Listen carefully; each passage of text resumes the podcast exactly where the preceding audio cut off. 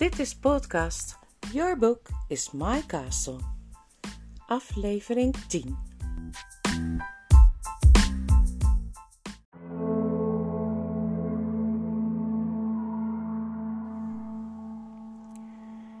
Goeiedag allemaal. Fijn dat jullie luisteren naar aflevering 10 van uh, het prachtige land achter de kleerkast. De kronieken van Narnia. Ja, het is wel een hele vervelende situatie aan het worden voor meneer en mevrouw Bever en hun gasten. Het begint erop te lijken dat ze moeten vluchten. En dat het heel gevaarlijk is. Nou zeg, wie had dat gedacht? Wie had dat gedacht?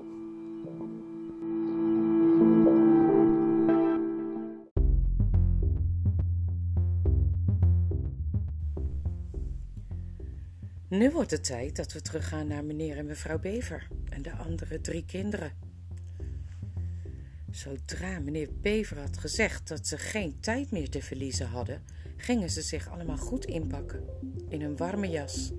Alleen mevrouw Bever niet. Die begon jute zakken bij elkaar te zoeken en op tafel te leggen. En ze zei: Vooruit, meneer Bever, geef me die ham eens aan die daar hangt. En hier heb ik thee en suiker en lucifers.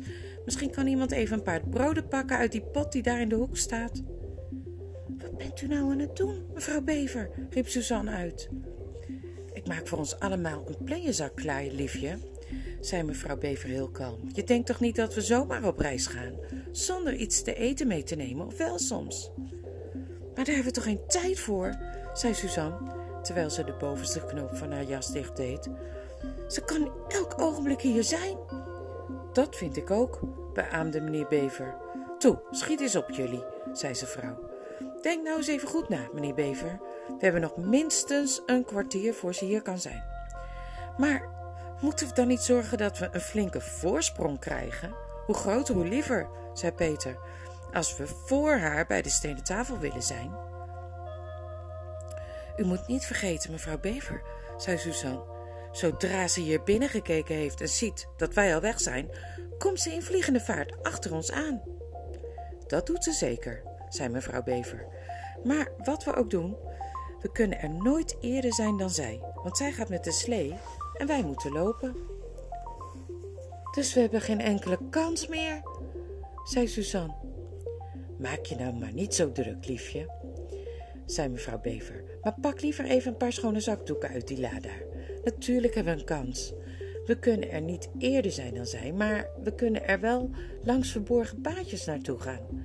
En wegen nemen waar zij niet zo gauw aan zal denken. Zo kunnen we er misschien wel komen. Daar heb je wel gelijk in, mevrouw Bever, zei haar man. Maar het wordt wel hoog tijd dat we weggaan. Ga jij je ook nog niet eens druk maken, meneer Bever, zei zijn vrouw. Kijk, zo is het beter. Hier zijn vier zakken met spullen voor onderweg. De kleinste zak is voor de kleinste. Dat ben jij, liefje, verduidelijkte ze en ze keek Lucie aan. Oh, komt u nou toch alstublieft mee, zei Lucie. Ja, nu ben ik bijna klaar, antwoordde mevrouw Bever eindelijk. Ze liet zich door haar man helpen bij het aantrekken van haar sneeuwschoenen. De naaimachine is zeker te zwaar om mee te nemen. Ja, zei meneer Bever, dat is hij zeker. Veel en veel te zwaar. En je denkt toch niet dat je daar iets aan hebt als je op de vlucht bent? Ik moet er anders niet aan denken dat die tovenares eraan gaat knoeien. Zei mevrouw Bever, het zou me niks verbazen als ze hem kapot maakte of meenam. Oh, alstublieft, alstublieft, schiet nou toch op, zeiden de kinderen. Zo stapten ze eindelijk allemaal naar buiten en deed meneer Bever de deur op slot. Dan duurt het weer even langer voordat ze verder kan, zei hij. En daar gingen ze, allemaal met een plunjezak over de schouder. Toen ze op weg gingen, sneeuwde het niet meer en scheen de maan. Ze liepen achter elkaar. Eerst meneer Bever, daarachter Lucie, dan Peter, dan Suzanne en helemaal achteraan mevrouw Bever. Meneer Bever leidde hen over de dam naar de rechteroever van de rivier en daarna over een erg hobbelig paadje dat vlak langs de rivier bleef lopen tussen de bomen door. De zijkanten van het dal werden verlicht door de maan en torenden aan beide kanten hoog boven hen uit. We kunnen het beste maar zoveel mogelijk hier beneden blijven, zei hij. Want zij moet met haar slee bovenlangs. Hier kan ze niet komen. Als je in een makkelijke leunstoel van achter je raam had zitten kijken, zou het een prachtig gezicht zijn geweest, zoals de omgeving eruit zag. En zelfs nu vond Lucie het in het begin een hele mooie wandeling. Maar toen ze al maar bleven lopen en lopen en lopen. En toen de zak die over haar schouder hing steeds maar zwaarder en zwaarder begon te wegen, begon ze zich af te vragen hoe ze dit ooit vol moest houden. Na een tijdje keek ze niet meer naar het lichte geschitter van de bevroren rivier met al zijn watervalletjes van ijs en naar de witte massa van de boomtoppen en een grote heldere maan en de ontelbare sterren en kon ze alleen nog maar kijken naar de korte poten van meneer Bever die voor haar uit door de zachte sneeuw liepen. Stappen, stappen, stappen, stappen, alsof hij nooit meer zou blijven staan. Toen verdween de maan ook nog achter de wolken en begon het weer te sneeuwen.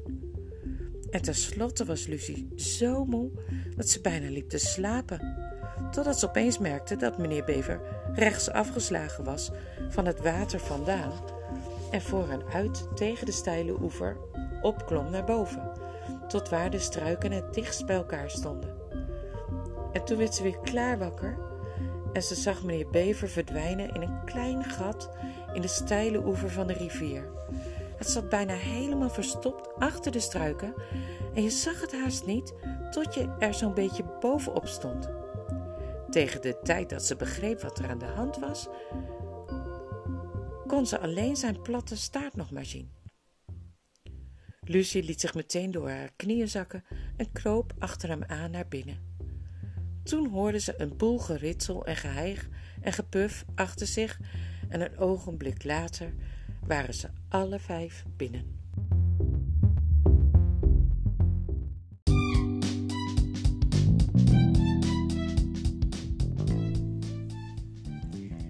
Waar zijn we hier eigenlijk precies? zei de stem van Peter moe en witjes in het donker. Ik hoop dat je begrijpt wat ik bedoel met een stem die witjes klinkt. Dit is een oude schuilplaats voor bevers, voor in tijden van gevaar, zei meneer Bever. En het is strikt geheim dat hij hier is. Het is wel niet geweldig, maar we moeten proberen een paar uren slaap te krijgen. Als jullie allemaal niet zo ontzettend zenuwachtig hadden gedaan toen we aan het klaarmaken waren, had ik een paar kussens mee kunnen nemen, zei mevrouw Bever. Het was lang niet zo mooi groot als die van meneer Tunnus, dacht Lucie. Het was maar gewoon een hol in de grond, maar het was er droog en het rook er lekker naar aarde. Het was maar een klein hol en toen ze met z'n allen gingen liggen, leken ze samen wel één grote hoop kleren en bont. Maar doordat ze zo dicht tegen elkaar aanlagen en doordat ze het warm hadden gekregen van die lange wandeling, lagen ze best lekker. Alleen had de vloer van het hol wat minder robbelig moeten zijn. Toen gaf mevrouw Bever in het donker klein flesje rond, waar ze allemaal een paar slokjes uit dronken. Je moest er een beetje van hoesten en kuchen en het brandde in je keel. Maar als je het eenmaal doorgeslikt had, werd je er heerlijk warm van. En ze vielen allemaal meteen in slaap. Voor Lucie's idee leek het alsof het vlak daarna was, hoewel het in werkelijkheid uren later was toen ze weer wakker werd. Ze had het een beetje koud en ze was verschrikkelijk stijf geworden. Ze zou wel zin hebben in een warm bad.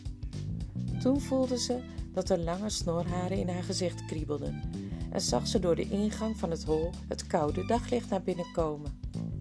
Meteen daarna was ze ineens klaar wakker en alle anderen ook. Ze zaten zelfs allemaal recht overeind, met hun mond en hun ogen wijd open en luisterden naar iets dat precies zo klonk als het geluid waar ze gisteravond allemaal steeds aan hadden lopen denken. Soms hadden ze zich verbeeld dat ze het hoorden. Het geluid van rinkelende belletjes. Zodra meneer Bever het hoorde, schoot hij het hol uit. Misschien vind je net als Lucie eerst dat dat erg dom was, maar het was juist heel verstandig van hem. Hij wist dat hij door de bosjes en de braamstruiken omhoog kon kruipen tot boven aan de oever, zonder dat iemand hem kon zien. En hij wilde in de allereerste plaats weten welke kant de slee van de tovenares opging. De anderen bleven allemaal in, de, in het hol zitten wachten en vroegen zich af wat er boven gebeurde. Ze moesten bijna vijf minuten wachten. Daarna hoorden ze iets waar ze allemaal erg van schrokken. Ze hoorden stemmen. Oei, dacht Lucie. Ze hebben hem gezien. Hij is gevangen genomen. Maar toen ze even later de stem van meneer Bever vlak buiten het hol tegen hen hoorden roepen, waren ze stom verbaasd. Alles in orde, riep hij. Kom eens naar buiten, mevrouw Bever, kom maar tevoorschijn, zonen en dochters van Adam. Het is in orde, het is haar niet. Dat is natuurlijk nogal raar gezegd, maar zo praten bevers nou eenmaal als ze opgewonden zijn. En in Narnia tenminste. In onze wereld praten ze meestal helemaal niet. Dus kwamen mevrouw Bever en de kinderen met z'n allen knipperend tegen het daglicht het hol uit. Ze zaten van onder tot boven vol met zand en ze zagen er een beetje koud en ongekamd en verfomfaaid uit. De slaap zat nog in hun ogen. Vooruit, riep meneer Bever, die bijna stond te dansen van blijdschap. Kom nou kijken. Dit wordt een lelijke tegenvaller voor de tovenares. Het ziet er naar uit dat ze haar macht al aan het kwijtraken is. Ik begrijp er niets van, meneer Bever, hijgde Peter, terwijl ze allemaal tegen de steile oever omhoog krabbelden.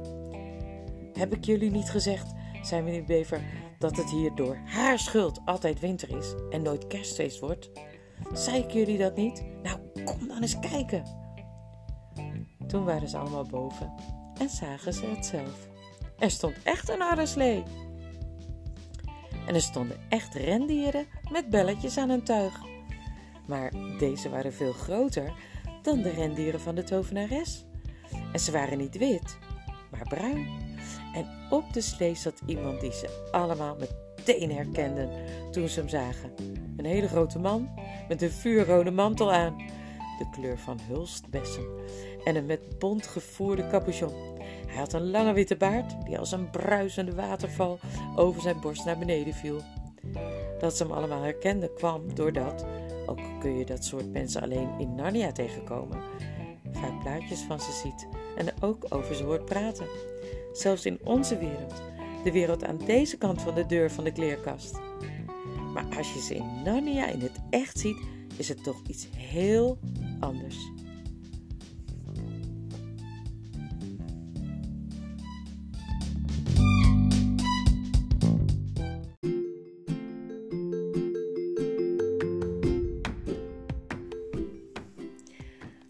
Op sommige plaatjes die je in onze wereld van de kerstman ziet, lijkt het of hij alleen maar grappig en vrolijk is. Maar nu de kinderen hem echt stonden aan te kijken, zagen ze dat het zo toch niet helemaal was. Hij was zo groot en zo blij en zo echt, dat ze er helemaal stil van werden. Ze voelden zich heel blij, maar tegelijkertijd ook plechtig. Daar ben ik dan eindelijk, zei hij.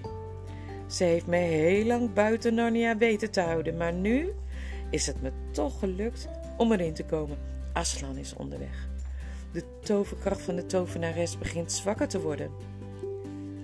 Lucie voelde een diepe rilling van blijdschap door zich heen trekken, zoals je alleen maar kunt voelen als je stil en ernstig bent. En dan nu, zei de kerstman, jullie cadeaus. Voor u, mevrouw Bever, heb ik een nieuwe, betere naaimachine. Ik zal hem bij u thuis neerzetten als ik daar voorbij kom.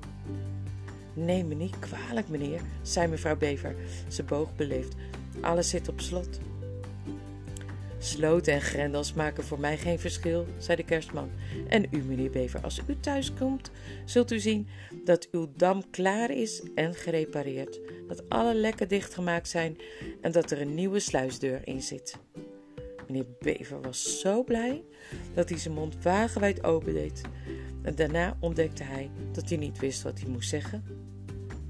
Peter, Adams zoon, zei de kerstman. Hier ben ik, meneer, zei Peter. Hier zijn jouw cadeaus, was het antwoord. Het is gereedschap, geen speelgoed. Het zal misschien niet lang meer duren voor je het nodig zult hebben. Gebruik het goed. Terwijl hij dat zei, gaf hij Peter een schild en een zwaard. Het schild was zilverkleurig, met een rechtopstaande leeuw erop, Helderrood was de leeuw, zo rood als een rijpe aardbei op het moment dat hij geplukt wordt. Het gevest van het zwaard dat je in je hand moest houden was van goud en er hoorde een schede bij en een riem. Het was precies de juiste grootte en het juiste gewicht voor Peter. Peter zweeg. Hij keek ernstig toen hij de cadeaus aanpakte. Hij begreep dat dit een ernstig cadeau was. Suzanne, Eva's dochter, zei de kerstman, dit is voor jou. Hij gaf haar een boog en een koker vol pijlen en ook een kleine ivoren hoorn. Deze boog moet je alleen gebruiken als je in gevaar bent, zei hij, want het is niet de bedoeling dat je meevecht in de strijd. Hij mist haast nooit, en als je deze hoorn aan je mond zet en je blaast erop, dan weet ik zeker dat je, waar je ook bent, op de een of andere manier hulp zult krijgen. Helemaal op het laatst zei hij: Lucie, Eva's dochter. En Lucie kwam naar voren. Aan haar gaf hij een klein flesje dat eruit zag alsof het glas van diamant was. Maar later hoorden ze dat het ook werkelijk zo was. En een kleine dolk. In dit flesje, zei hij, zit een drankje dat gemaakt is uit het sap van een van de vuurbloemen die op de bergen van de zon groeien. Als jij of een van je vrienden pijn heeft of gewond is, kun je hem met een paar druppels hieruit weer genezen. En de dolk is bedoeld om jezelf te verdedigen als je in gevaar bent. Want ook jij zult niet aan de strijd meedoen. Waarom niet, meneer? zei Lucie. Ik denk, ik weet het natuurlijk niet zeker. Ik denk dat ik het wel zou durven. Daar gaat het niet om, zei hij. Maar een veldslag is afschuwelijk als er vrouwen meevechten. En dan? En hier keek hij opeens veel minder ernstig. Hier keek hij opeens veel minder ernstig erbij. Dan is hier nog iets voor jullie allemaal, waar je nu wat aan hebt. En hij haalde, ik denk uit de grote zak die hij op zijn rug had, maar niemand zag precies hoe hij het deed, een groot dienblad tevoorschijn met vijf kopjes, een schaaltje met suikerklontjes, een kan room en een grote pot dampende, gloeiend hete thee. Toen riep hij nog: Vrouwelijk kerstfeest! Lang leven de echte koning! En hij knalde met zijn zweep. En voordat iemand besefte dat hij wegging, was hij, met rendieren en arreslee en al, uit het gezicht verdwenen. Peter had net zijn zwaard uit de schede getrokken om het aan meneer Bever te laten zien, toen mevrouw Bever zei: Toe, vooruit jongens, blijf daar niet staan kletsen totdat de thee koud wordt. Daar moet je nou weer een man voor zijn. Kom, help me eens om dat dienblad naar beneden te dragen. Dan kunnen we ontbijten. Wat een geluk dat ik er nog aan gedacht heb om dat broodmes mee te nemen. Zo klommen ze de steile helling weer af naar beneden, terug naar het hol en meneer Bever smeerde wat boterhammen met, met ham voor onderweg. En mevrouw Bever schonk thee. En iedereen genoot van het ontbijt. Maar lang voordat ze uitgegeten waren, zei meneer Bever alweer: Het wordt tijd om verder te gaan.